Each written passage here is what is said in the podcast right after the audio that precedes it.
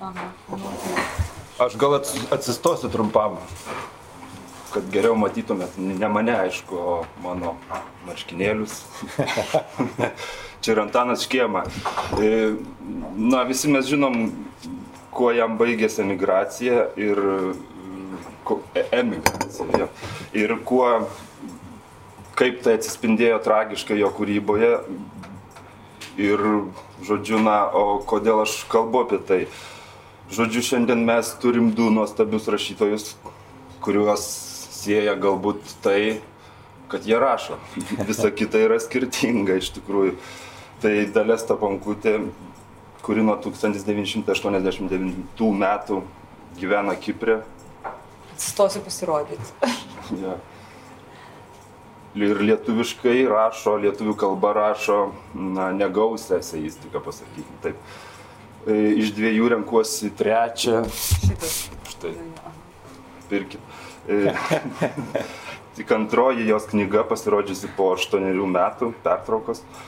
Na ir Antanas Šileika, skirtingai nei dalė, turbūt beveik visą gyvenimą gyvena Kanadai.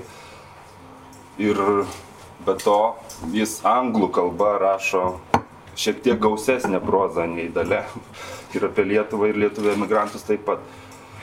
Jo pirkiniai išsimokėtinai pirkite irgi išsimokėtinai galite.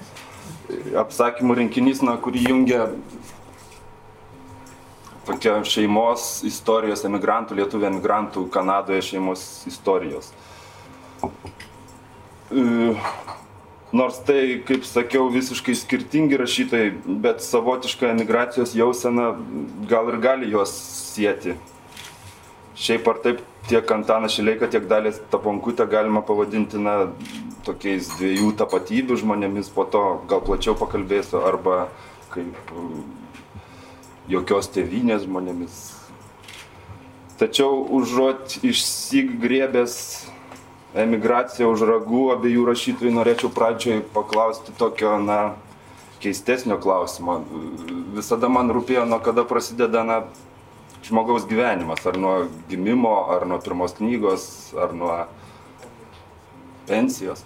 E, e, Bet ilgai galvojęs supratau, kad, na, turbūt nuo pirmojo atsiminimo, na, kai save atsimeni, tai tu lyg ir jau pradedi gyventi, žengti žingsnius bent atmintyje ir aš čia dabar taip ilgai išneku tam, kad rašytojai galėtų prisiminti. Aš aišku galėčiau papasakot savo pirmąjį atsiminimą, bet aš čia nenoriu žvaigždė tapti. Taigi, bet atsimenu save dar vežimėlį ir iš tikrųjų man įdomu tai yra, kad, kad e, aš taip ryškiai atsimenu, kaip mama susitinka su tėvu, aš vežimėlį matau juos, jie pasibučiuoja, motina perduoda gėlės ir e, kai apie šitą atsiminimą galvoju, vis galvoju, ar aš nesu to prisifantazavęs tiesiog. Tai va, galbūt jau prisiminėt, Antanas turbūt drąsesnis, galbūt Aha. pirmas. Aha. Aha. Ką žinai, ar drąsesnis man. E, Bet gerai, e, ir sunkus klausimas, dabar ieškau, ieškau. Paskau, e, kad ne, nėra taip, kad būtų kažkoks faktas, kiek daug atmosfera.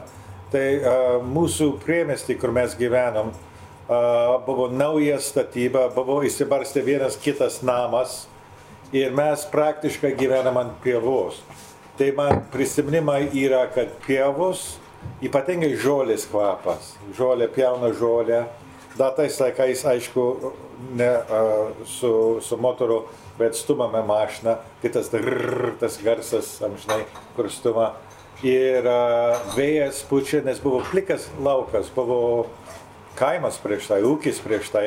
Tai plikas kaip kažkas medžių nėra, žolės kvapas, o toli toli kažkaip ant horizonto yra fabrikas, iš to fabriko kylo tie dūmai.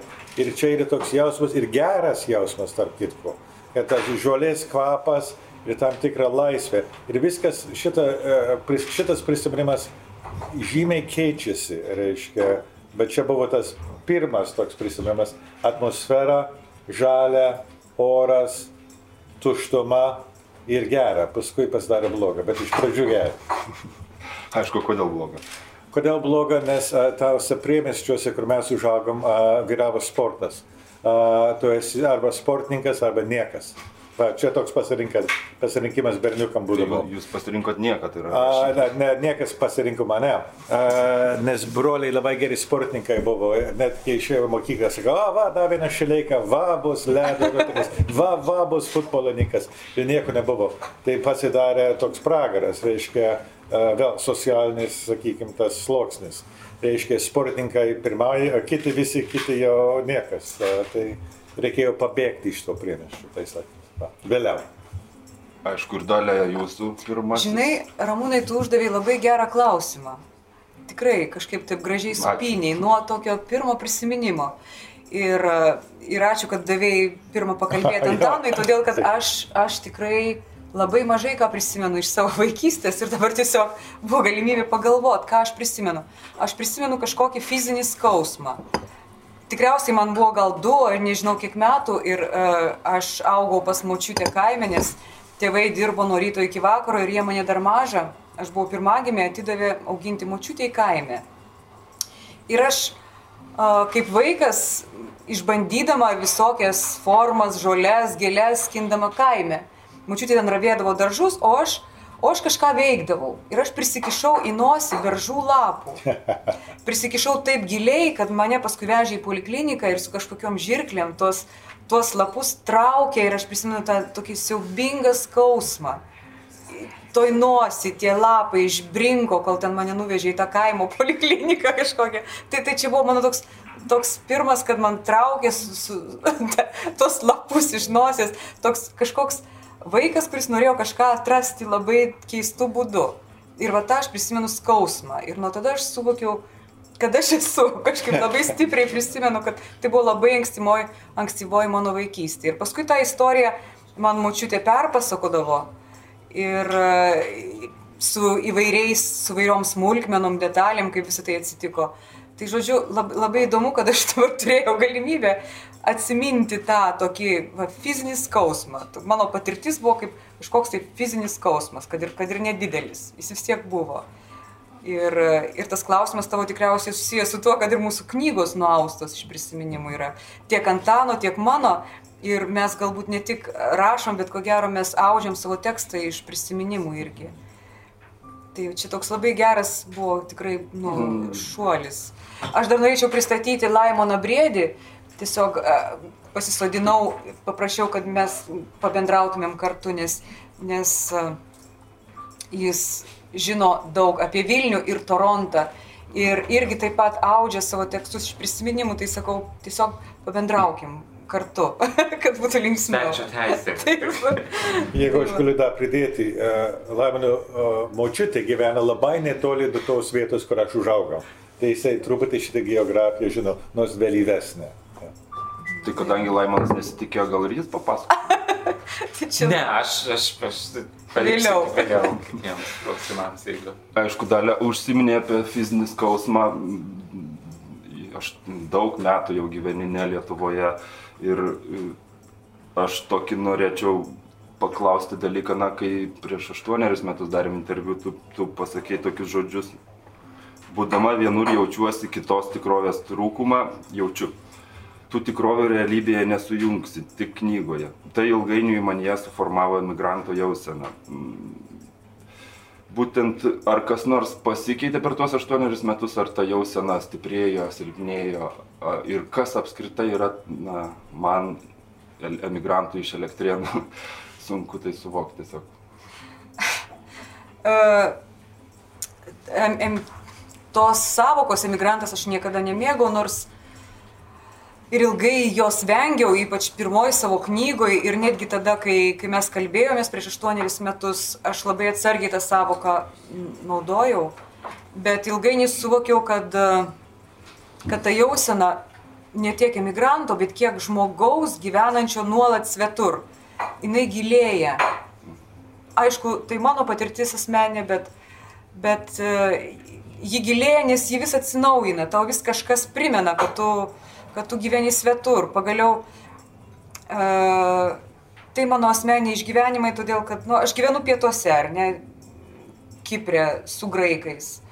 Aš atrodau kitaip. Ir, ir tiesiog kasdien išėjus į gatvę aš jaučiuosi kaip, kaip uh, žmogus iš kitur, nes man žmonės primena, iš kur tu klausai, iš kur tu gerai taip žinai graikų kalbą, kadangi mato, kad aš atrodau kitaip, aš nesu tamsiaodė, nesu, ne, nesu tamsiaplaukė ir, ir, ir, ir taip toliau. Yra daug tokių dalykų, kurie primena, tai, tai jau pradėm išvaizdą labai stipriai primena. O antra, nuolatinė ta aišku, nuolat keičiama ta darb, nuolat kintanti darbo patirtis, darbo vietos, kurios iš tikrųjų yra nestabilios mažoji šalyje vėlgi. Tai turi to darbo, tai neturi, tai turi kontraktą, tai neturi. Ir visą laiką ta atsinaujinanti būsena, jinai, jinai pagaliau tavį nusėda labai giliai, jinai, jinai leidžiasi kažkur į tavo jau, taip sakant, prasideda kažkur gal nuo galvos ir jau leidžiasi iki pirštų galiukų. Jinai gilėja ta jausena, bet man atrodo, kad tai Tai, tai susijęs su Mm. fiziniu skausmu. Skausmų ne.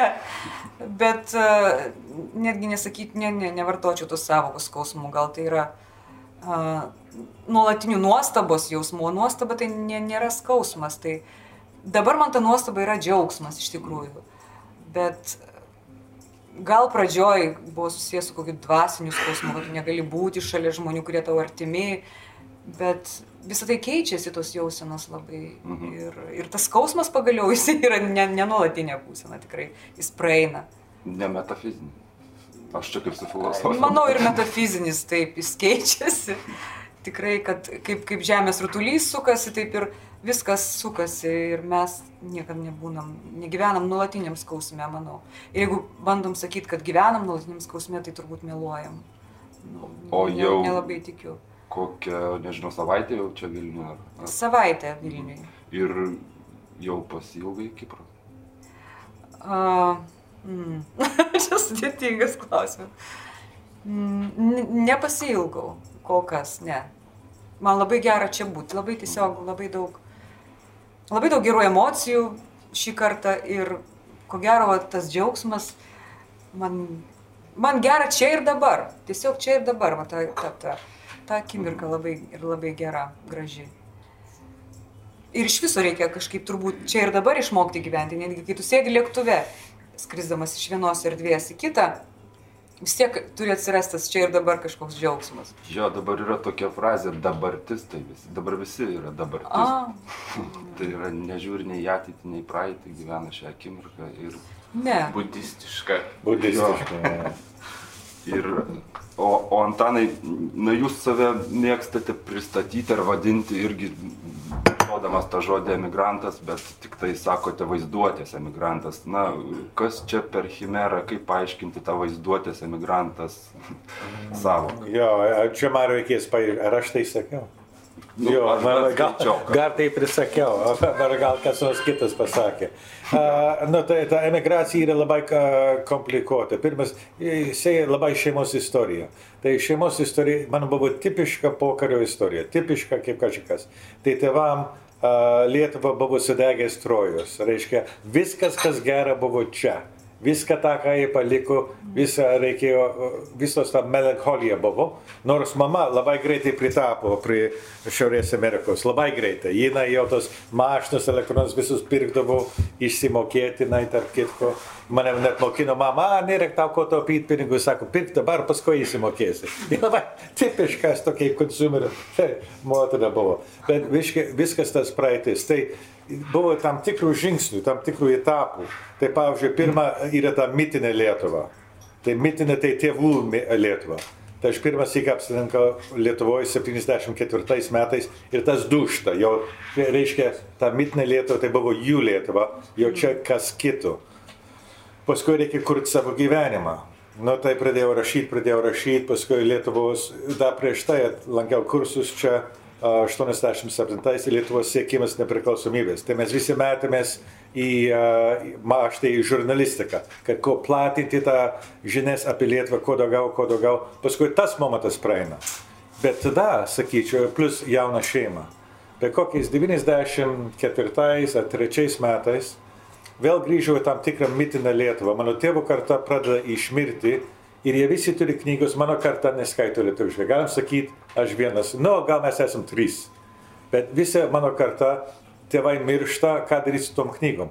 Tai aš pradėjau pirkti tas knygas, pirkau ypatingai man padarė įspūdį Petro Rimšo, Petras Rimša pasakoja. Tai jo skulptoriaus uh, prisiminimai už 25 centus. Ir šitą paskaičiau ir Petras Rimša pasakojo, kaip jisai iškeliauja į Paryžių studijuoti meną. Fantastiškai įdomu ir ne vien tik tas, ir, ir iš tų visų knygų irgi įdomu, irgi įdomu, atsitiktinai atvažiuojame į Lietuvą penktais metais ir jau da, vos ne kasmet pradėm važiuoti. O aš bent važiuoju. Ir plus, gal žinai, už biografinis momentas, sunus čia persikrausti ir pagimdė čia uh, savo uh, sunų uh, Vilniui. Tai reiškia, yra tie momentai, pasistatyta vienas tokį mitą, tas grūda. Paskui kitas momentas ateina, nepriklausomybės sėkimas, tas grūda. Ir paskui per knygas, ir paskui vėl atplaukiu į Lietuvą. Tai čia ta emigracija, sakau, esu sakęs, kad aš amžinai grįžtu į Lietuvą. Nors aš niekada, aš gimęs Kanadoje, aš čia kaip gali grįžti tenai, kur nepradėjai, bet toks amžinas grįžimas vis truputį kitaip. Ir o ką jūs vadinate savo, na, tėvynę, tarkim, ar tai yra daugiau dvasinis kažkoks e, apibrėžimas savokos, ar, ar, ar tiesiog Kanada, pavyzdžiui, nes ten gimėte, ar, ar, ar Lietuva, ar čia. Aš vadinu savo tėvynę problemą. Problemą. Problemą. Lietuvoje kaip problema. Mano auditorija, nes aš rašau angliškai, yra Kanada. Jeigu aš rašau romaną, jinai taikyta angliakalbėms. Ma, aš maloniai nustebau, kad čekiai verčia gan, ne gan, bet šiltai priima mano knygas. Uh, bet kuo dažniau aš čia lankausi ir ypatingai, sūnus, ne, nežinau, pasirodė ne, tai jis man sako, tai ko tu ten gyveni, pekrastikis ir čia. Nu, gal anksčiau ir vėliau taip ir padarysiu, bet tai reiškia dar neįspręsta problema. Mhm. Aišku, ir priartėjom prie knygų, na, jos iš tikrųjų skirtingos eseistikoje, apsakymai, tokia lyg ir grožinė išmislo, daugiau knyga ir, ir su filosofiniam nuokrypam į, į, dvasinius dalykus, bet, na, jeigu ieškoti kažko jungiančio, tai vis tiek yra toks dalykas kaip žmogaus išvažiavusio iš Lietuvos bandymas prisitaikyti, į, į, įtikti toj šaly ir, ir tai Antano atveju Kanadoje dalios Kipre ir, ir ten yra labai daug įdomių ir jokingų dalykų, ypač Antano knygoje lietuvių ir kanadiečių skirtumų tokių, na tarkim, vienas yra apie tualetus, kad, kad, kad tarkim, kanadiečiai jau seniai turėjo tualetus viduje namie, o lietuviai ilgai ir nuobodžiai dar visai davo į tualetą laukia įrengtą, išvietę vadinamąją. Ir, ir man įdomu, kokie patys įdomiausi jums pačiams ar keiščiausi va, tie lietuvių ir kanadiečių skir skirtumai anais laikais, ar jie išlikę ir dabar tokie vat. Jo, tai čia viskas veda į anegdotus. Nes, kaip sakyt, tam priemestį, kur aš užaugau, buvo kažkoks senbuvis lietuvis, turėjo namą, tai pasidarė kokį 12 lietuviškų šeimų maždaug. Įsibarsi taip, o dauguma gyveno miesto centre. Tai mūsų buvo, bet nedaug. O iš tų visų buvo, jie maždaug visi kilė iš kaimo. Tai, o kokio tipo? Gyvus, jokingi, vis to suger, nu, nu šileika, nu kaip sakas, nu va, va, va, nu ką. Tokia kalba. O anglosakso kalbas, how do you do? Bet tai čia jau žymiai toks didelis skirtumas buvo. Emocija. Tai kartais lietuviai šiltesni, gyvesni, laimingesni, daug daugiau gerintis, daug daugiau dainuojantis, daug daugiau šokantis. Uh, ir bet daidvo iki, reiškia, gerai, iki kol pasidaro blogai. Tai reiškia, turėjom vasardami, čia toks gan greitas, čia pasitaikė, perrašiau šitą, šitą knygą. Tai buvo iš emigrantų visa vien, viengungių kompanija. Išvažiavo į miškus dirbti ir paskui grįždavo po metus su pinigais, jos pragerdavo per dvi savaitės ir grįždavo atgal. Ir pas, visą gyvenimą. Bet buvo tarp jų mano tėvų draugai, buvo toks vienas Sibulskis. Mums vaikai, vaikai įdomus vardas, Sibulskis. Mes Kanadoje išaugai. Sibulskio paprika, Cibulis, man čia žmogus daržovė, čia tai keista. Ir Sibulskis pasakoja vienas, kai jisai nusinešė pietus į mišką ir paėmė mešką, bandė paimti jo pietus, jis savo suboksavo tą mešką ir mešką pabėgo. Ir vyrai sėdi prie stalo. Ir mano tėvas sako, oi, Ciborski, meluoji. Sako, kaip? Meluoja, ką čia buvo katinas, čia ne koks meška, buvai girtas, nematai. O ir, tie, ir jau pagyvenę vyrai stovi prie stalo, eina karštin, karštin, staiga atsistoja, jo ne mušasi, bet grėbėsi už, už pečių ir stumdosi, stumdosi prieki ir atgal, ten ir atgal. Ir moteris staiga pasirodo, motinas, baigit man, baig man, baig. Staiga visi vaikai į mašiną, visus važiuoja namo ir važiuojam namo. Dabar tokiu incidentu aš negalėjau įsivaizduoti tarp anglosaksų kilmės kanadiečių. Tai kartu ir smagu, ir gyva, ir viskas, ir truputį gėda, kad būtų geriau, kad šitas nebūtų. Tai ta, ta, ta, tuo pačiu laiku, tam tikrą įtampų tarp tų dviejų. O tarkim, apsakymė pir, pirkti iš, išpirkimą išsimokėtinai, na ten lietuviai dar tik mokosi pirkti išsimokėtinai ir parsiduoti bankininkams, o dabartiniai lietuviai jau turbūt tai laisvai valdė. Vė, labai greitai išmokom, kiek pirkti išsimokėtinai, mes visi. Aišku.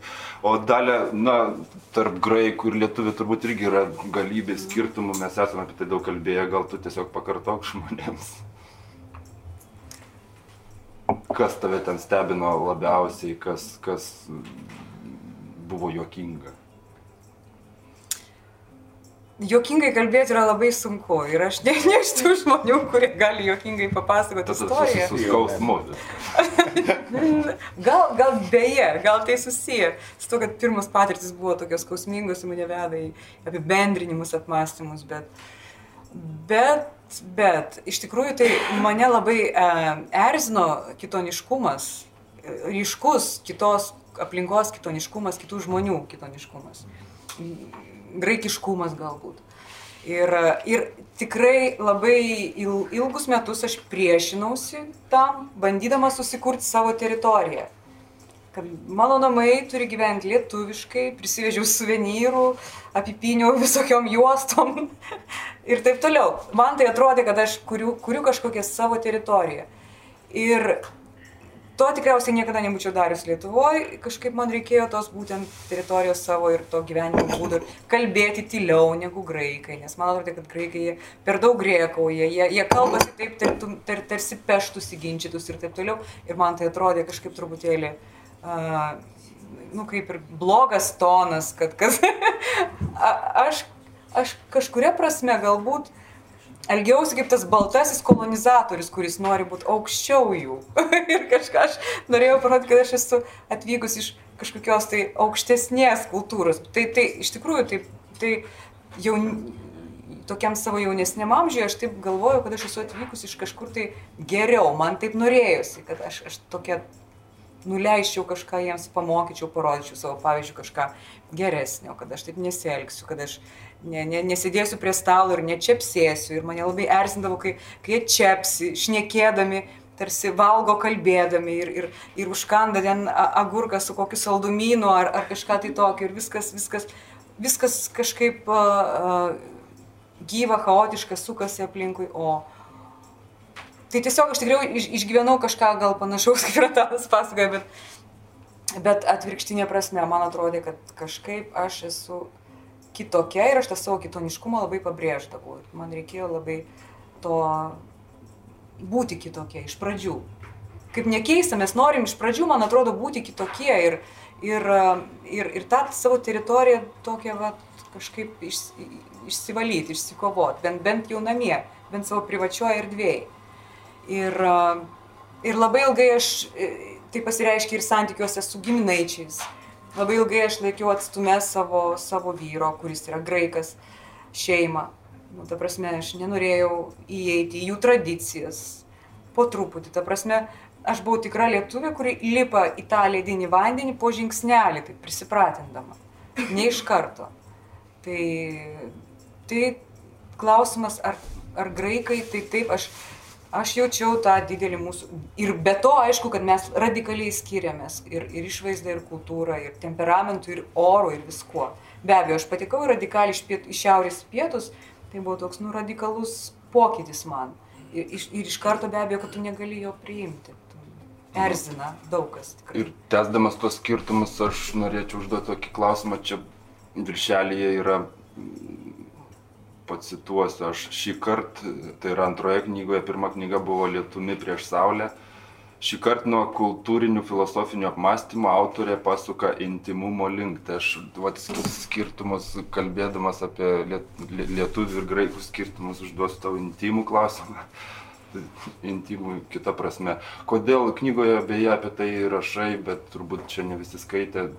Kodėl lietuvės teka už graikų, o, o, gra, o, o graik, a, už graikų, o graikės už lietuvių ne, nes aš bent Lietuvoje nesu sutikęs nei vienos graikės Aš- ir lietuvės santokos. Aš irgi tai apie tai pagalvojau. Ir ne kartą. Ir tas klausimas toks lieka man mistiškas, kad tikrai graikės jos a, nenoriai išvažiuoja į, į ten, kur tamsu ir šalta, taip vadinkim. Ir galbūt tai susijęs su jų tradicija, nes paveldimumas yra, iš, yra per moters liniją, jos paveldi namus. Vyras išvažiuoja ir, ir iš tikrųjų aš atvažiavau dar į tą Kiprą, aš radau dar tą Kiprą, kai sūnus būdavo išsiunčiami mokytis į užsienį, o moteris likdavo, paveldydavo namus, kiekviena, kiekviena, taip, taip, paveldydavo namus. Ir, ir vyras ateidavo, ats, ats, geriausiu atveju automobilį su savim atsineša. Bet moteris yra turto saugotoja.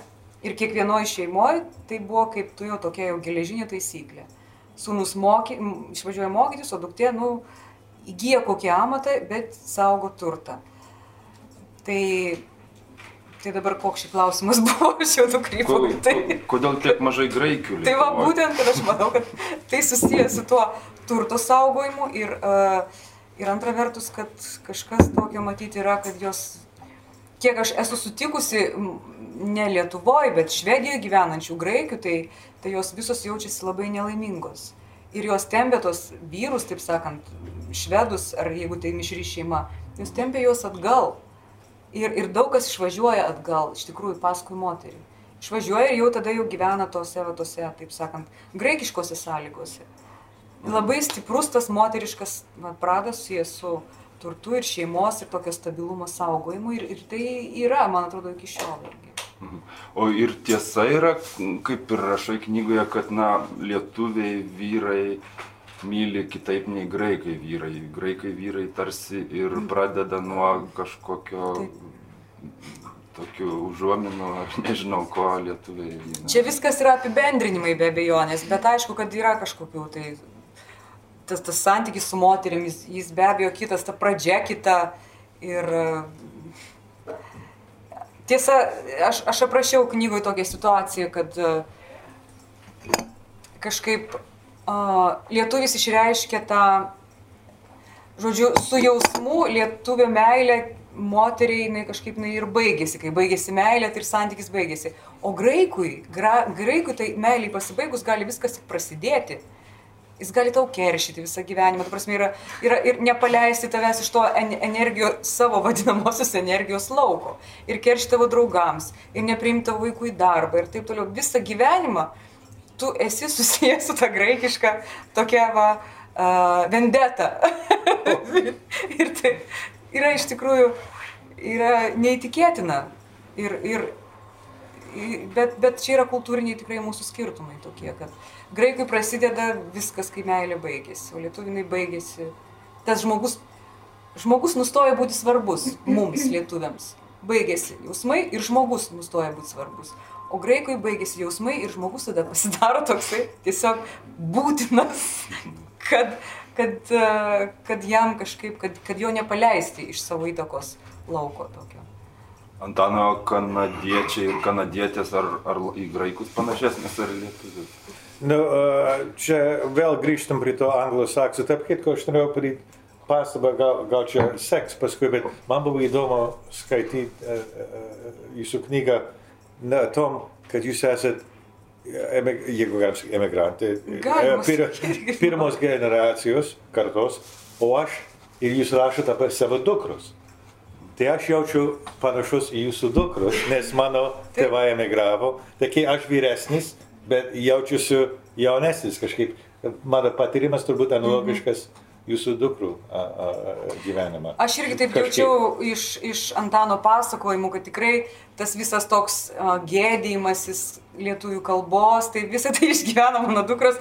Ir va būtent jeigu taip sugretint mūsų rašymą, tai, tai, tai labai įdomu, kad tikrai tai, ką išgyvenai pats, išgyvena, išgyvena dukros tik tai šiuolaikinėme pasaulyje. Taip. Ir vis dėlto, nepaisant to, kad pasaulis labai pasikeitė ir mes dabar esam, gyvenam technologijose, technologijos daug, daug e, to atseit suartina mus per Skype, per Facebook ir taip toliau, bet, bet iš tikrųjų tai, tai visos tos jausmus, kai gėda tos motinos kalbos, kai ten uždaryk duris, nesikišk, tai yra, yra tos jausenos, kurias iš tikrųjų Antanas jau yra išgyvenęs kaip vaikas ir jos kartojasi, jos fantastiškai kartojasi vėl. Pasirodo, nu nieko mes, mes iš tikrųjų žmonės esam. Čia mūsų žmogiškumas toksai atsiskleidžia.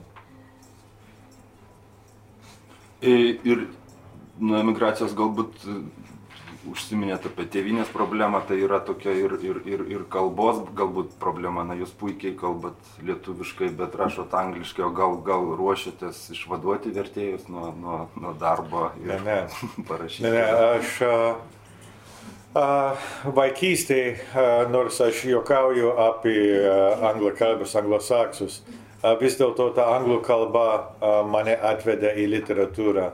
Anglų kalba yra, aš esu nekartą sakęs, kad mano instrumentas yra anglų kalba, o mano melodija yra lietuva.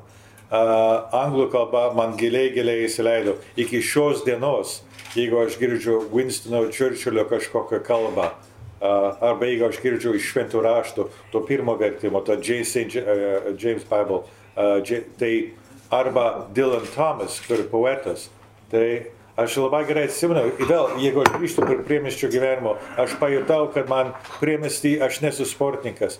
Tai nuo kokius 17 metų atsimenu, paėmiau pakelį cigarečių, paėmiau vasarą, paėmiau tos šokoladinius tokius pienus, gimnazistai vis gerdo, po litrais. Ir nueinu į sklapą ir įsuku Dylan Thomas, kuris jisai rašo, Now as I was young and easy under the apple boughs, about the lilting house and happy as the grass was green, the night above the dingle starry, time let me hail and climb, golden in the heyday of his eyes, ir taip toliau. Tai va, man tiesiog kyla plaukai jau čia, čia mano muzika, čia mano muzika. Tai reiškia anglų kalba. Plus, dasideda, a, kaip jums pasakyti, čia yra irgi anegdotas. Taip, kad kaip vis tos bando grįžti į Lietuvą, man vis reikia iš naujo išmokti lietuvių kalbą. Tai pavyzdžiui, prieš čia atvažiuojant, aš įsisakau uh, TV grotuvas per televiziją ir panoramą varau kokį mėnesį, tai Lietuvos rytas skaitau, kad kaip raumenis, truputį, truputį dasigauti. Nes kai mūsų vaikai buvo, mes susnaigė, mano žmona lietuvių kilmės, mes susnaigė tarpusavį kalbėdavom angliškai. Kai vaikai gimė, sakau, baigti su anglų kalba, kalbėsim tik lietuviškai. Vargas, vargas. Tai pradėjom skaityti vaikams ir patys turėjom pramokti vėl iš naujo tą lietuvių kalbą su vaikiškom knygom, bet vaikas jau 5-6 metų amžiaus jau reikia rimtesnis knygas. Tai aš šitą nekartą kartuoju, šitą pusiau kaip anegdotą, mes skaitom Berno Munkhauseno nuotykius. Ir vaikai, oi, dainai labai įdomu. Bet pasitaiko dažnai žodžių, kur mes nežinom. Tai pavyzdžiui, pasitaiko žodis, man įstrigo į galvą, titnagis. Tai ką aš galiu žinot, kas tas yra titnagis? Kanados lietuvis gimęs gyvenęs. Tai mes sėdim su žodyną skaitom ir mes bandom, kaip kuo greičiau tas vaikas užmėgtų, bent turėtum valandą ramybės prieš šiandien gult, o tai bandai kuo greičiau. Tai bandom nežiūrėti į žodyną. Tai tada skaitau, ta, ta, ta, titnagas, o kai savo vaikas sako, kas tas titnagas? Sakau, nežinau, sako, žiūrėk į žodyną, žiūrėk į žodyną. Tai va, atidarom, va, žodynas ir kartu mokėmės tą lietuvių kalbą. Bet lietuvių kalba kaip raumenis, reiškia, truputį nenaudosi ir jo vėl nuslinks ir vėl reikia iš naujo mokintis. Tai ką aš pajutau, aš ne, pavyzdžiui, dėl šito uh, rinkinio kažkas mėgėjiškai išvertė ir man atsiuntė visą kopiją. Tai aš nusinčiu leidyklą, sakau, man atrodo tvarkoja šitas vertimas. Čia kažkas savanoriškai išvertė. Ne, ne, sako, lietuvių kalba ne tas. O aš nepajuntu šitų subtilumų, aš ne, ne, nepajuntu, nepagaunu. O kad tikrai pagauti, reikėtų tikrai mokintis reikėtų tam atsiduoti, vis dėlto man yra anglų kalba ir va. Tai aš galiu susikalbėti, aš galiu net literatūrą skaityti. Man, pavyzdžiui, jūsų knygą skaityti jau, jau labai gerai, bet jau nelabai greitai, jau atsargiai. Nes tai yra lietuvių kalba, jau tikra lietuvių kalba, literatūrinė kalba. Ir jau man truputį aukštesnio lygio, net to, prie kurio aš esu pripratęs. Lietuvos rytas skaityti tvarkoj, prisiminimus tvarkoj, istorija tvarkoj, jau literatūrinė kalba jau, jau darosi sunkiau. Ilgas atsakymas. E, Dalė e, knygoje yra tokia, na, frazė, man nuolat dinkteli mintis apie įsibėgėjantį kalbos traukimąsi nuo kalbančiųjų. E, Ką tuo norėjot pasakyti, nes, na, ar čia nėra tokia jau apokaliptinė mintis apie kalbos traukimas į muziejų, aš nežinau, kad mes jau šnekam, kad tik šnekėt vien su, prieš veidrodį, vien kiekvien su savimi. Žinai, aš taip rašiau tikrai apkeliavusi keletą šalių ir pastebėjusi, kaip a, kalbą keičia vaizdas. tą tekstą parašiau grįžusi beje iš Amerikos, kai suvokiau, kad aplankiausi savo draugus, kurie ten irgi, jie yra emigravę, išvykę iš Lietuvos kažkur dar. Tame lūžyje, kai lūžo, kai, kai, kai, kai dar, dar nebuvo nepriklausomos Lietuvos, bet ir jau buvo paskutiniai sovietmečio metai, šanso toks išvažiavimas, kai atrodė, kad viskas čia greit vėl užsidarys, reikia staigiai važiuoti. Ir Ir tie žmonės, kai kurie netgi neišmokė, dar yra anglų kalbos. Ir, ir aš kažkaip pastebėjau, kad pusė Amerikos sėdi prie, prie televizijos ekranų ir nemokėdami tos anglų kalbos kažkaip siurbia tos vaizdus ir, ir tą anglų kalbą iš ekranų ir, ir jie iš tikrųjų jos neišmoksta niekada. Netgi gyvendami jau 15 metų yra daug tokių atvejų. Man, mane, mane tai truputėlį kažkaip uh, sukrėtė, kad uh, Ir visur tos, tos tada jau buvo tos šou programos, ir žaidimai. Ir, ir man kažkaip sus, susisuko, kad ir Graikijoje lygiai taip pat mes žiūrim tuos ekranus ir, ir tie, tie, tie šou žaidimai visur ir mus pakeičia kalbėjimas, tos technologijos tiesiog keičia, keičia mūsų kalbą ir santykių su kalba. Ir mane, mane sukrėtė tas toks mūsų kalbos aš išsigandau, kad mes, mes iš vis prarandam kalbą kaip, kaip kažkokį m, tokį subtilų įrankį. Tiesiog atiduodam save vaizdui ir, ir tam tokiam nuolat šnekančiam kažkokiam tai ekranui, nu, monitoriui. Ir, ir tai vyksta, man atrodo, kad tai vyksta, vyksta nuolat ir kažkokia tokia tarsi žmonijos lyga būtų atiduoti save vaizdui. Ir Ir dėl to aš kažkaip suvokiau, kad kalba iš tikrųjų beveik traukėsi į muziejų, kaip, kaip ir daug kas kita, kaip man padarė Amerikoje įspūdį muziejai, kokie nuostabus ten muziejai.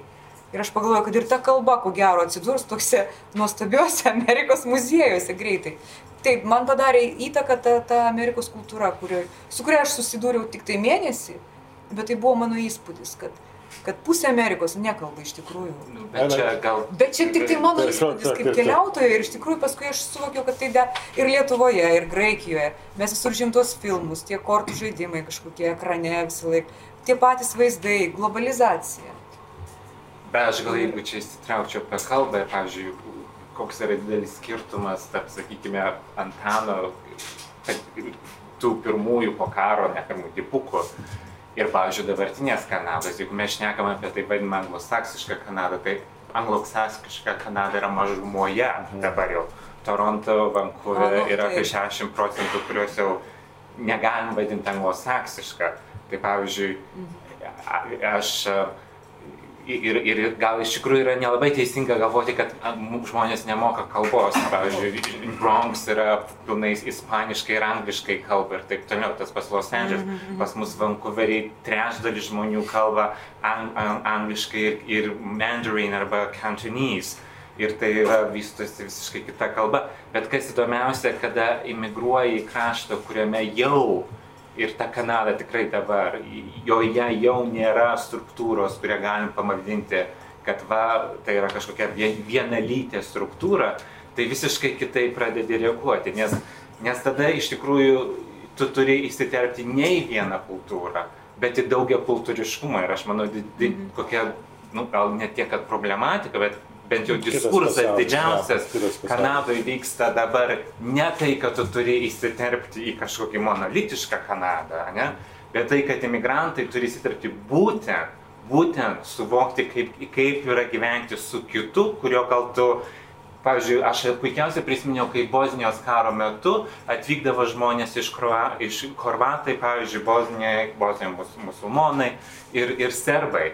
Ir aš esu įsitikinęs ir aš netgi žinau, kad jie atvykdavo iš tų pačių miestelių ar miestų, kurie visiškai išdraskyti ir tikriausiai gal jie, aišku, generacijos generacijos gyvendavo kartu, kažkas užėjo ir jie visiškai yra, kaip sakoma, ten persipjovę, bet jie vėl turi išmokti gyventi Kanadoje kartu.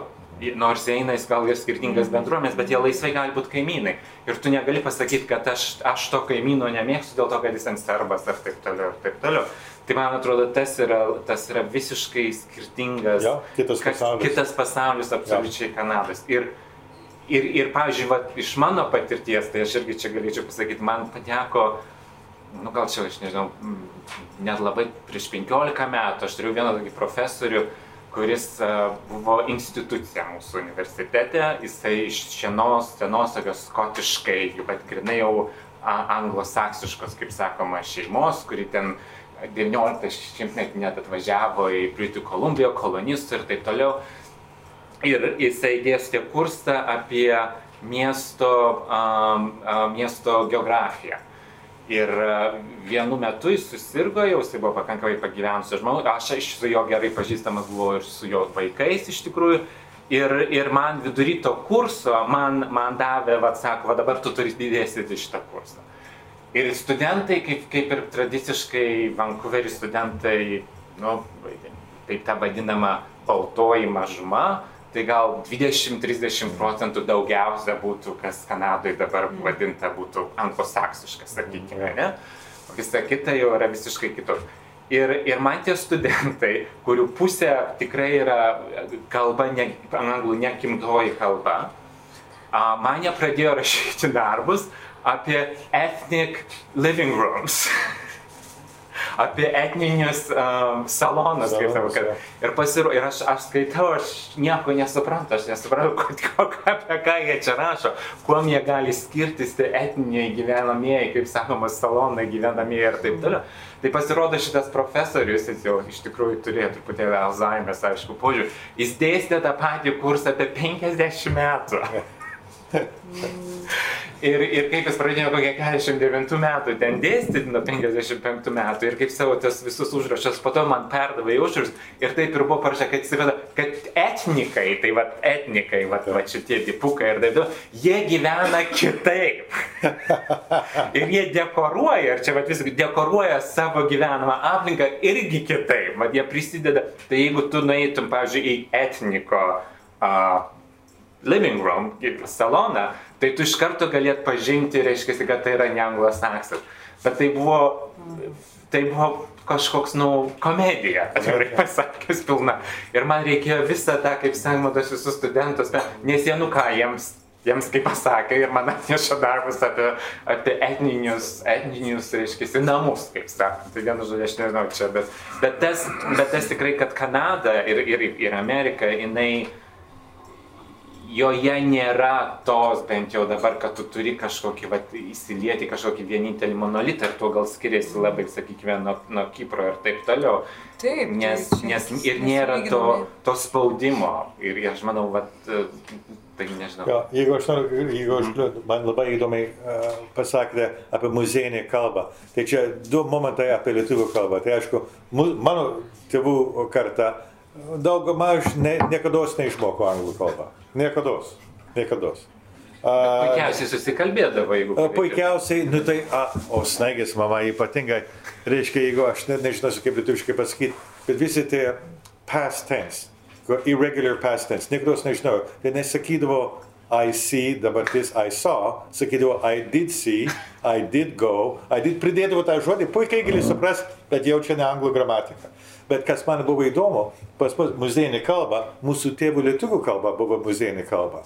Tai kokie buvo surprizai? Tai čia e, tam tikri yra labai žinomi. Pas mus nebuvo žodis tualetas, buvo žodis išvietė. Tai žinot, čia buvo toks irgi įdomus momentas. Ne? Tai ateina, atvažiuoja į Lietuvą, sakai, kur išvietė. Ir čia kažkur daugiau, čia žmonės į tave žiūri. Tai da, da du momentai. Mūsų tėvai sakydavo maždaug. Atvažiuoju į Lietuvą, visi sako daug maž. O kaip čia, kaip čia gali būti per, per tą 50 metų šitas apsivertė. Ir dar paskutinis momentas, čia jo asmeninis, mano tėvai arba mandagiai, kai buvo kažkokia problema, sakydavo, sakydavo ot, kad tave balo. Aš šito nesugirdėjęs Lietuvoje. Aš beveik niekur nesugirdėjęs, nu tai nukrenta stiklas. Ot, kad tave balo ir nukritus stiklas. Aš, aš ieškau tų žodžių, tų įsireiškimų. Iš kur tas, ar čia buvo tik mano tėvai, Ar čia buvo kažkas kito? O kad tave bal... Kas tas yra? Ką tas reiškia? Tai reiškia, yra tam tokių kuriozų muziejinės kalbos. Bet mano mačiutė, kuri 98 metų ir gimėsi, Pittsburgė ir, ir tai jinai dar po šiai dienai naudoja žodžius kaip grinorius ir, ir taip toliau. Ja. Tarmiški. Netarmiški, čia nuo green card reiškia, kad tik atvykę tai gaunasi turintis, kaip žinote, tą green card iš Amerikos. Ne, aš turėjau omeny ne tai. Ai, tu jo, jo, ne, tai ta prasme, tas klausimas buvo užduotas tikriausiai tiesiog, kad tie, tą mūsų tokį bendrą santykį su kalba, kad, Jo. kad jis vis, uh, vis tampa toks muziejinis. Mes daugiau vis dėlto bendraujam, imam bendrauti vaizdais. Ir, Bet vaizdai irgi kalba. Naratyvas. kitokia kalba. Kitokį mąstymą visiškai mm, ugdo, jeigu taip galima pasakyti. Ir kitokį santykį su pasauliu ir su viens kitu. Su viens kitu.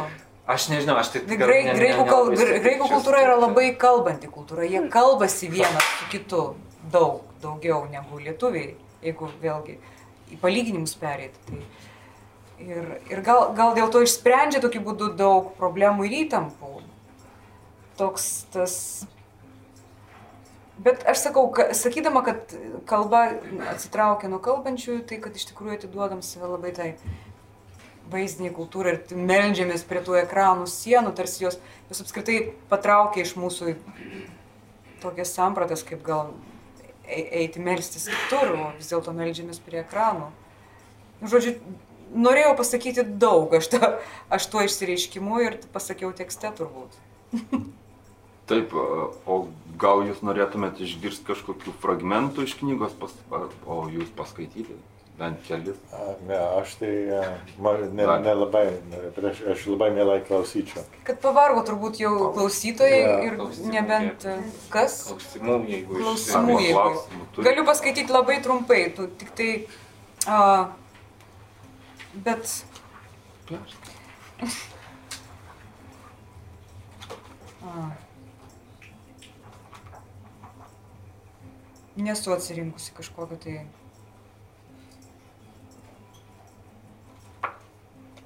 Mes šitaip visi linksmai išnekėjomės, o dabar nuteiksiu visai taip a, lyriškai. Tai gerai. A. Einam pas lietų, pakirdusi sako debesis vardu Nefelė. Ir mudvėje atsiduodame braidimo po didžiulės sodybos balas meditacijai. Lyjo, sulyjo, išsilyjo, prilijo, palyjo. Elektra pastebėjo, kad lietuvių kalba yra tikras puzzle, galvosūkis, žymiai sunkesnė už graikų. Ir lietuviški žodžiai be mažiukų po, iš, per, nu, į yra kaip citrina be sėklikių. Kildinu dukrų vardus iš lietuviškų danguolė, nefos debesis, gintarė, elektron gintaras. O jie dvi juokėsi, tarsi būčiau pavadinusi jas neregėtų daiktų vardais. Per Lietuvos vasaras į mus regis prilyja tiek, kad lietus pakeičia dukrų kiprietišką būdą, o mūsų nuotaikoms suteikia ramesnį atspalvį, išplaudamas kipro dulkių auksą ir atverdamas sidabrinį drėgmės gaivumą. Mes tarsi virstame vientisų kūnų, žvilgančių lygių paviršiumi, gyvename vandens ritmu, Vilniuje supamės, vandenin nugrimsta emocijų, regos ir klausos aštrumas, mes nurimstame. Kūnui irgi tokiu oru sunkoka, bet ramu. Aplinkui lyja. Ir pajuntu neapsakomą palaimą, kad laukas ir mano vidus susilieja kaip harmoninga pora.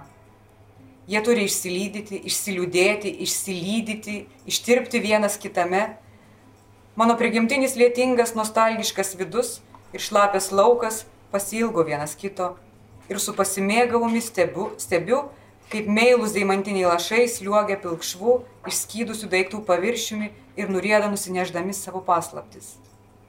Lašų pasaulis mistiškas. Jame tarsi po daugel metų praregėjusi, atveriu netikėtą šviesą ir skaidrumą, tokį neįmanomą, kad visa aplinkui virsta neišbraidyta vaikystės pasaka.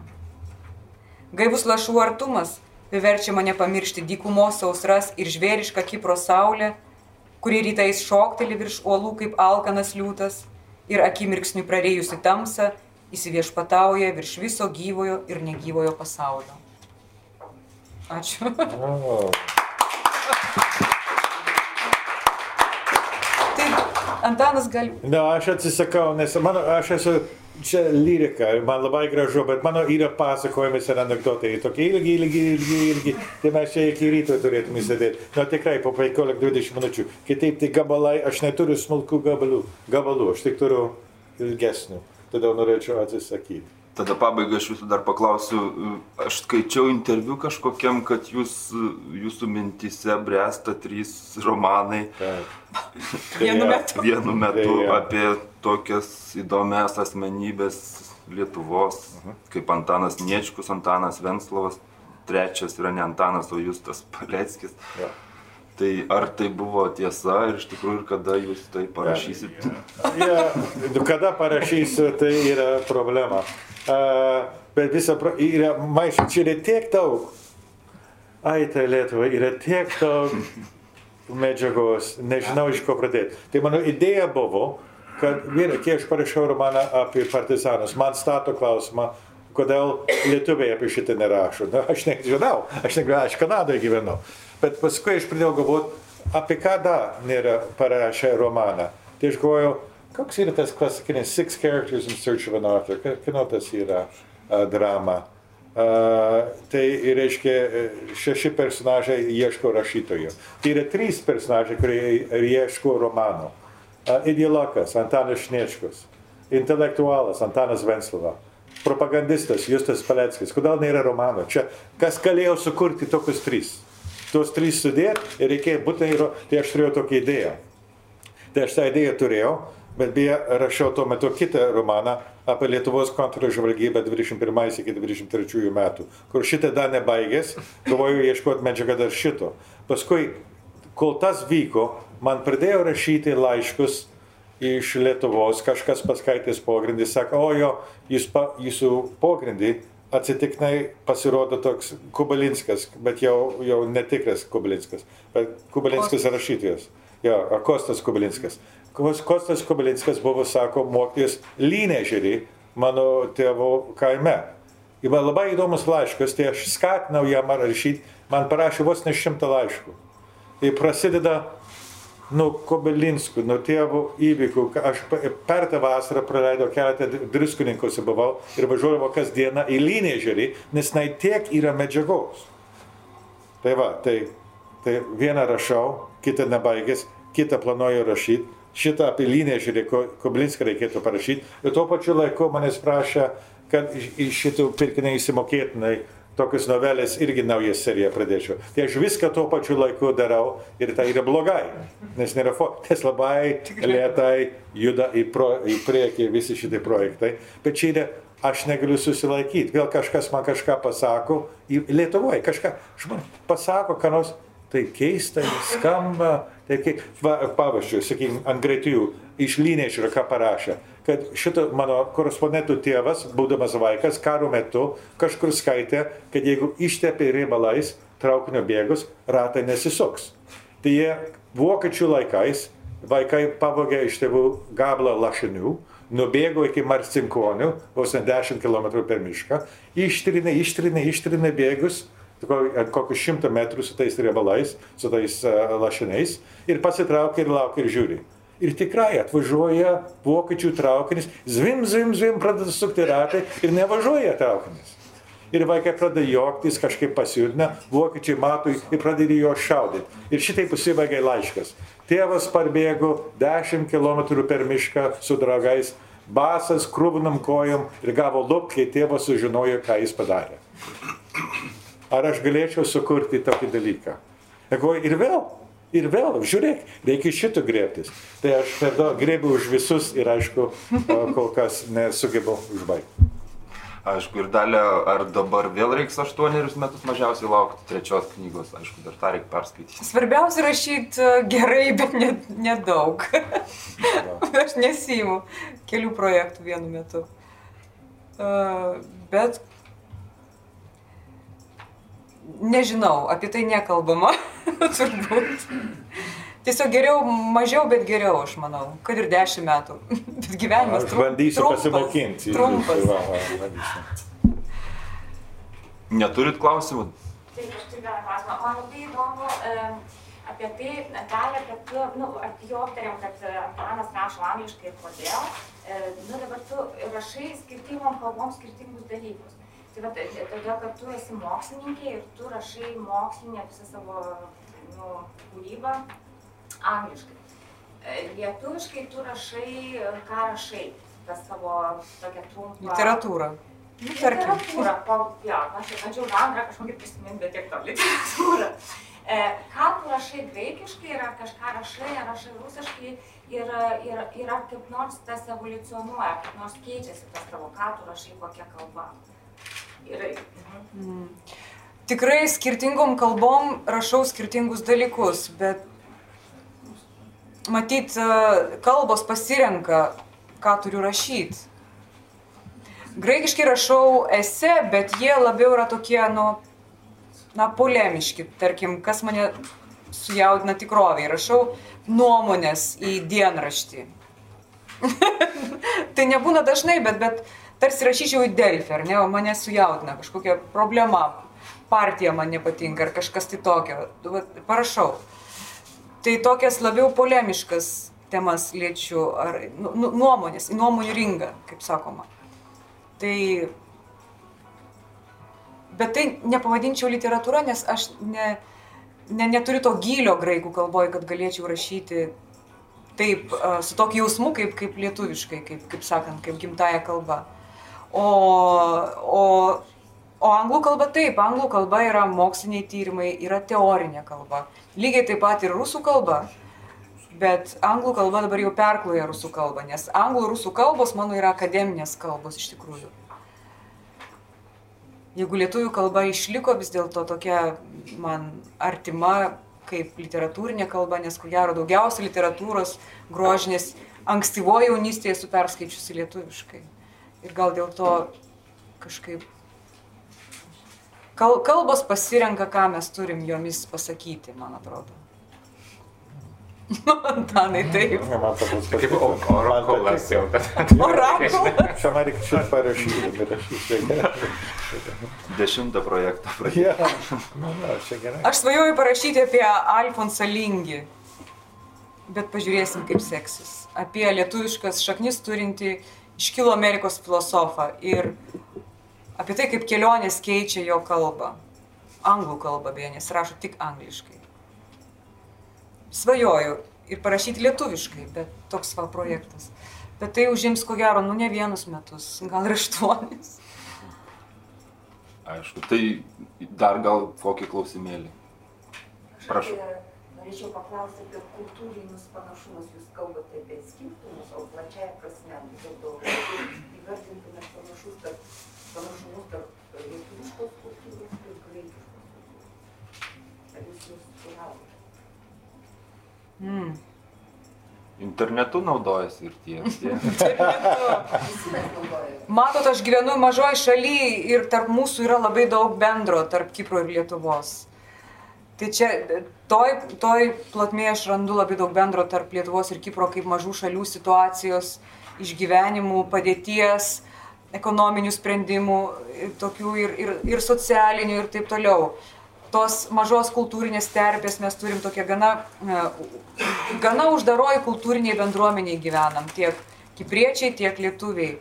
Tai čia labai daug bendro yra įtampos tarp įvairių socialinių sluoksnių, įtampos tarp tų pačių, taip sakant, grupių kultūriniai terpiai čia, čia daug rand, randu gal, daug bendro. Gal tikriausiai ir kažkokios netekties irgi mm. toks yra, nes Vis daugiau ten. bendro atrandu beje. Vis daugiau, vis daugiau tokia pan- panašios, panaš, panašaus likimo. O kultūros jos turi būti skirtingos.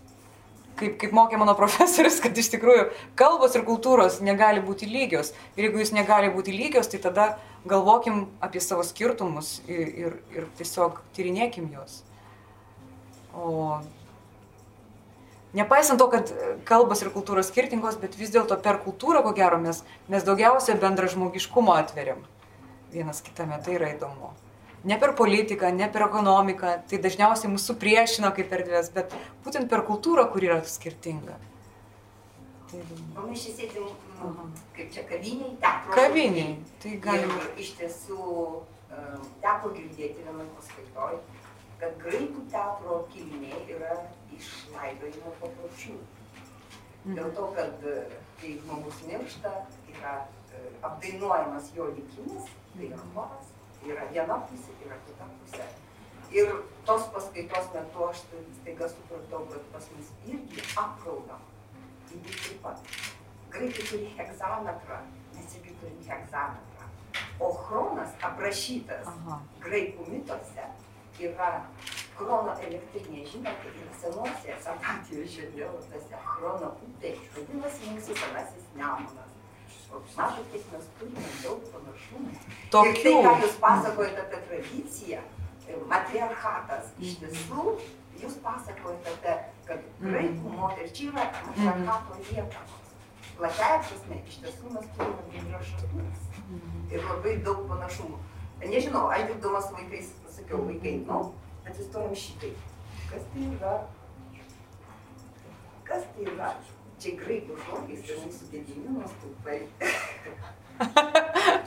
O taip, tokių kažkaip, tokių sulyginimų man teko irgi girdėti ir, ir mokytojų, ir mokinių, ir studentų auditorijose, kad taip mes turim, mes kildinam save galbūt iš senovės Graikijos ir, ir iš tiesų mes esam susiję be abejonės.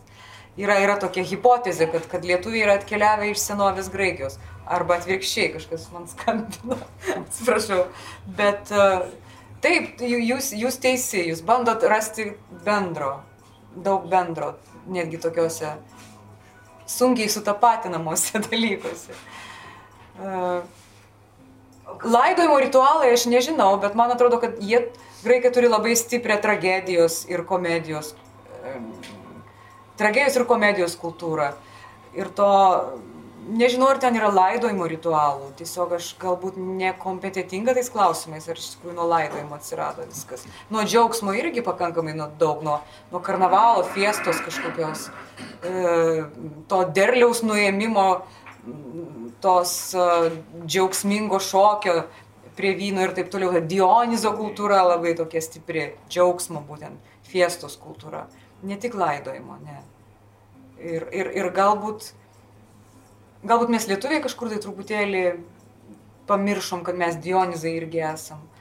Nes pas mus tos laidojimo ritualų žymiai gal daugiau yra tokio liūdėsio. Visas kalendorinės šventės, tai yra krikščioniškos, arba ant jų uždėtos yra krikščioniškos šventės. Ir Iš tiesų, jeigu pereitumėte per visą tą kalendorių, surastumėte ir tą šventę. Atrodo, Antanas pasakė, kad dioniziškų pradų užteko. Aš jau kaip tik man dioniziškai atrodyti tėvų, tėvų karta. Taip, taip jau. Vakar mūgiai sutikau Kiedrodinį, tai yra italas, kuris tyria Mhm. lietuvių kilmę. Ir jis uh, vienoj Čikagos konferencijoje yra pateikęs 12 lietuvių kilmės versijų. 12. Ir austrų uh, tyrinėtojų, ir, ir i- dažniausiai tai vo- vokiečių tyrinėtojų tokias versijas mėgsta pateikti. Ir tos versijos yra labai įvairios. Vieni kildina iš graikų, kiti, kad mes atkeliavom kažkur iš pietų per Romą, per, per e, pietų Vokietiją ir taip toliau, žodžiu. Tiek daug tų versijų, 12 mažų mažiausiai, iš kur atėjo lietuviai. Ir- Bet ir- keista, kad italas to Ar, užsieima. ar tu esi girdėjęs apie vieną versiją, apie kad visa e, Home, Home, Homero Iliada ir Odisėja iš tikrųjų yra Baltijos jūro, vienas italas parašė knygą, kad tai yra ne viduržėmio gėrių, bet visas veiksmas vyksta iš tikrųjų. Baltijos jūro, pagal klimatą ir kaip viskas surado. Traukia nuotraukų. Gal ten ir miskūnas, nors pasakyti. Miskūnas. Prašom. A, su rizika. Taip. Turiu visai kitokių klausimų. Ir Mikrofon sulinki. yra taip. Kada kalbi vien kalbom a, ir esi iš viso visai kitokio pasaulio ir rašai viena kalba ir atrodo, kad arba kalbi viena kalba, jau įgūdęs pavyzdžiui angliškai, bet yra toksai keistas užnugaris kitos tradicijos. Nu, kaip sakant, va, minėjai Alfonsą, mano broluką, Taip. Lingį. Jisai gimė Amerikoje lietuvių šeimoje, bet kaime. Ir aš žinau, kaip jis rašo. Jisai skaitomas geriausias anglų kalbos stilistikas. Tikrai? Bet jis taip pat sako, kad tai yra iš jo tėvų lietuviškų pasakojimų. Jo tėvas buvo labai geras pasakotojas. Tai yra užnugaris, kuris duoda nuansų, kurių anglų kalba neturi. Bet žodžiu, yra interpretacija, per kurią prasiskverbia kalba, gal ir tyli kalba, bet tokią dinamiką sudaro, e, kurios anglų, pavyzdžiui, kalba neturi. Tai koks yra toksai užnugaris, kuris sudaro kabutėse tokią dvasę, kuri dinamizuoja svetimą kalbą, kitokią kalbą ir tą svetimą kalbą padaro tokią anglų kalbą patrauklę. Jisai tai neįgavo ne iš prancūzų kalbos, jis yra frankofilas ir taip toliau. Ir atleiskit dabar aš, kai aš dėstau anglų kalbą, kai man pritrūksta e, dinamikos, aš mastau lietuviškai, tada išreiškiu angliškai ir pasidaro tokia, kabutėse, uh, užnugarinė patraukla. Tai to negali išversti. Bet gali įvesti į kitą kalbą. Ir ta kalba neturi nei žodžių, e, nei e, frazių, bet jį įgauna, pavyzdžiui, lietuvišką pobūdį. Va, e, ponia sakė apie graikų tradiciją. Mhm. A, Dabartiniai graikai skolinasi iš savo tradicijos, bet jos nesupranta pilnai. Nes ta tradicija buvo demos, kuri yra panašiai į mūsų um, valstiečių tradiciją, kuri buvo kabutėse demos, demo, kabutėse demokratiška. Nes Liaudiška, liaudiška demos. Jie kalbėjo tiesiogiai, kaip lietuvių kalboje yra tiesioginė kalba. Yra skirtumas, Antanas žino, tarp kalbėti apie ką nors ir kalbėti ką nors. Lietuvių kalba nekalba apie bitutę, jie kalba bitutę. Ne? Lietuvių kalba nekalba apie salutę, jie dainuoja ir kalba saulutės kalbą.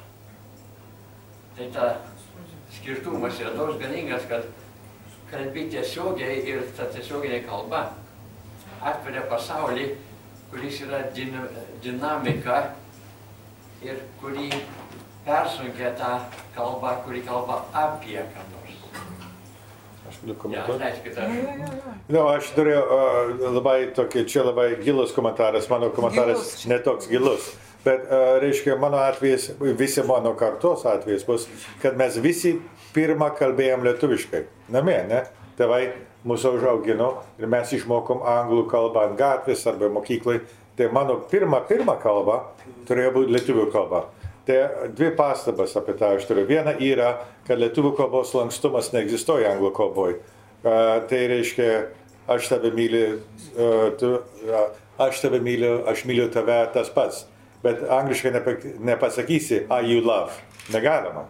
Aš kartais pastebiu, net kai aš tikrinu savo sakinius, yra, įlenda, lenda kažkoks lietuviškas lankstumas. O tas netoj vietoj. Aš kažkaip čia angliškai rašau, anglų kalba yra mano kalba, stipriausia kalba, bet tas lietuviškas lankstumas įlenda kur nors ir aš turiu jį ištraukti. Vienas. O antras momentas, įsakyčiau, lietuviškas humoras. Aš suradau savo tėvą Žemaitį, beskaitydama Žemaitę, kur jinai kalba apie žmonės, kurie, kuriems patinka kalbėti lenkiškai. Ir skaičiau labai trumpą frazę. Jinai sako, džindobrino, džindobrino, nusidžindobrino. Bam, dum, bum, bam, bam, bam, jokas. Viens, du, jokas, viens, du, jokas. Ir šitas man mielas, kaip kažkas. Ir šitą galima vesti, šitą galima pasiskolinti iš lietuvių, iš žemaitės, iš mano tėvų ir vesti į anglų humorą. Tai yra, yra toks mano komentaras iš tų dviejų tokių pastabų. Tai čia tikriausiai ta airių literatūros tradicija, kur galima sakyti. Airių arba jidišai irgi sako, jidišai irgi yra. Dar lingi tokia frazė man įsiminė, kad kalbėdami lietuviškai mes galvojam lietuviškai ir gyvenam kaip lietuviai. Aišku, tai jis labai daug slėpė tame savo pasakymė. Ir atrandam pasaulį kaip lietuviai irgi. Ir keliaujam po pasaulį kaip lietuviai. Bet jis pradėjo nuo kalbos, kad lietuvių kalba mus daro tokius ypatingus, mes atrandam viską kaip lietuviai irgi. Ir jis pats turėjo save omeny be abejo. Ir savo filosofiją. Taip kad e, iš tikrųjų labai ačiū už patikslinimą. Nu, o kaip jūs manot, jūsų anūkai šnekės lietuviškai? Gyvenant ten. Gal, Man buvo keistas manau, kad anūkai tai gal. Viena labai sveiki. juokia, kai Limožio lietuvių centre turėjau su savo filmus paskaitą. Ir nu, mane atvedė tą nu, lietuvių mokyklą, kur ten keletą valandų. Į dieną, vieną dieną lietuvių kalbos. Taip? Man tarp, jie tarpusai tikėsi, kad buvo lietuvių diena, bet vis tiek tie moksleiviai šnekėjo tarpusai tik angliškai. Tai jau, ta kalba jau darosi, nu tie jau kurie, kaip sakant, čia yra anūkai, ar anūkai. Man atrodo, kad toks įspūdis, kad jau čia darosi jiems dirbtinė kalba, kad jie nu, po viską kaip vis tiek jie pamiršta. O Antanai pats kaip su broliu. A, jo. Su Tai broliu čia- lietuviškai ir angliškai. A, ne, su broliais tik angliškai. Mes būdom prie vieno stalo vakarinį stalą sėdim, su tėvais lietuviškai, su broliais angliškai, prie to pačio stalo. Bet aš noriu į porą pastabų apie šitą, apie lietuvių kalbą. A, aš, man stigo, aš šiandien knygų mūgai mačiau a, Dingęs Vilnius, kaip mes žinom tą knygą. Uh, ir aš pagalvoju apie dingus lietuvius. Nes aš turiu tą tinklalapį ir pas mane atplaukia jau palyginus dažnai lietuvių kilmės žmonės, kurie e, ieško kažkokio šaknų. Ir dažniausiai antrą, trečią, net ketvirtą kartą jie prieina prie manęs, aš bandau surasti, iš kur uh, kyla mano proseneliai Petras iš Ukmergės. Na, tai, tokių, e, e, reiškia, neįmanomų dalykų. Bet yra net, jeigu turėsit kantrybės, yra net tokių įdomių momentų. Tas pats Budrys, apie kurį aš rašau, Lietuvos kontržvalgybos uh, uh, direktorius, jisai turėjo dvi šeimas. Tai yra toks Bernardas Gailius, kur rašo monografiją, parašo apie tą šeimą. Tai jisai paliko savo pirmą žmoną ir vaikus ir Gailius rašo, niekas nežino, kas su jais atsitiko. Tai pasirodo, Budrys, paskui jos sūnus gan žymus, iš šitos šeimos persikraustė į Afriką, į Zimbabvę, uh, tais laikais Rodezija, iš Rodezijos į Pietų Afriką, iš Pietų Afrikos iki Anglijos ir mane surado ir pa mane surado, sužinojo apie tą antrą šeimą. Reiškia, kiek čia kartų? Trys, trys, keturis kartus, bet jie jau nebeturi lietuvių kalbos. Tai jeigu nebeturi tą kalbą, jie bando vėl surasti, bet jiems sunku. Jie sunku. Ir jie anksčiau ar vėliau daug pas jų atplaukia pas mane, ar galit man padėti. Dažniausiai ne, bet kartais galima. Tai yra tie dingę lietuviai. E, pa, pavyzdžiui, Vancouverį. Aš pasirašau knygą ir ateina žmogus, sako, o jo, aš lietuvių kalbės, jūs turbūt nežinote tokio Hodakausko. A, ja, sakau, jos smetoninė, jo, jo, jau žinau.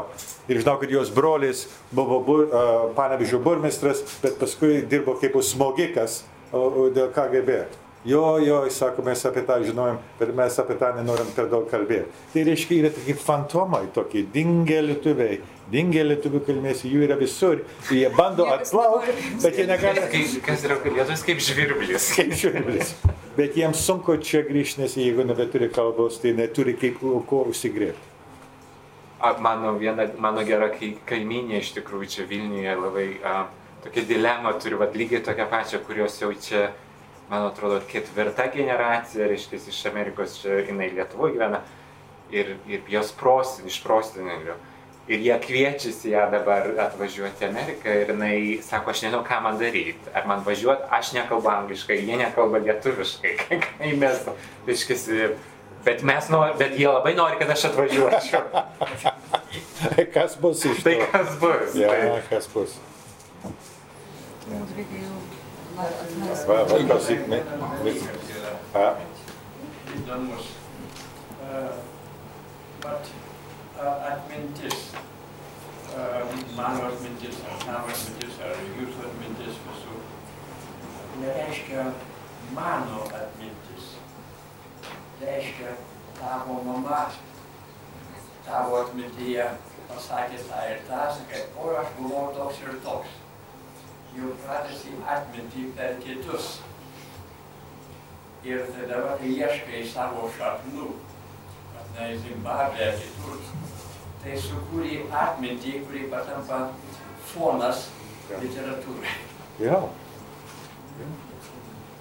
Aš nesimenu, kad aš valgiau lašiniukus, kai buvau dviejų metų, kiemą pasodindavo, sako, su, su šuniu palikdavo, lašinių duodavo galą, aš valgau, šuo kanda tą kitą galą, aš kandu tą galą, bet aš to nesimenu.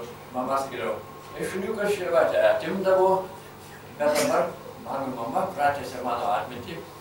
Ir sako, va, senelis tave taip matė irgi. Ir pasidaro fonas mitologija man visai literatūra. Ja. Ja. Kągi, jeigu neturi daugiau klausimų, Išgerti. pakalbėkim gerdami vandenį. Ačiū labai. Čia aš kiek tokį puslapį, ir kiek tas paruošta, tas darbo. Labai pasiruošęs, ačiū. Jo, labai pasiruošęs, ačiū. Dėkojom Ramūnui iš tokius įdomius klausimus, tikrai šaunuolis. Algis geresnis.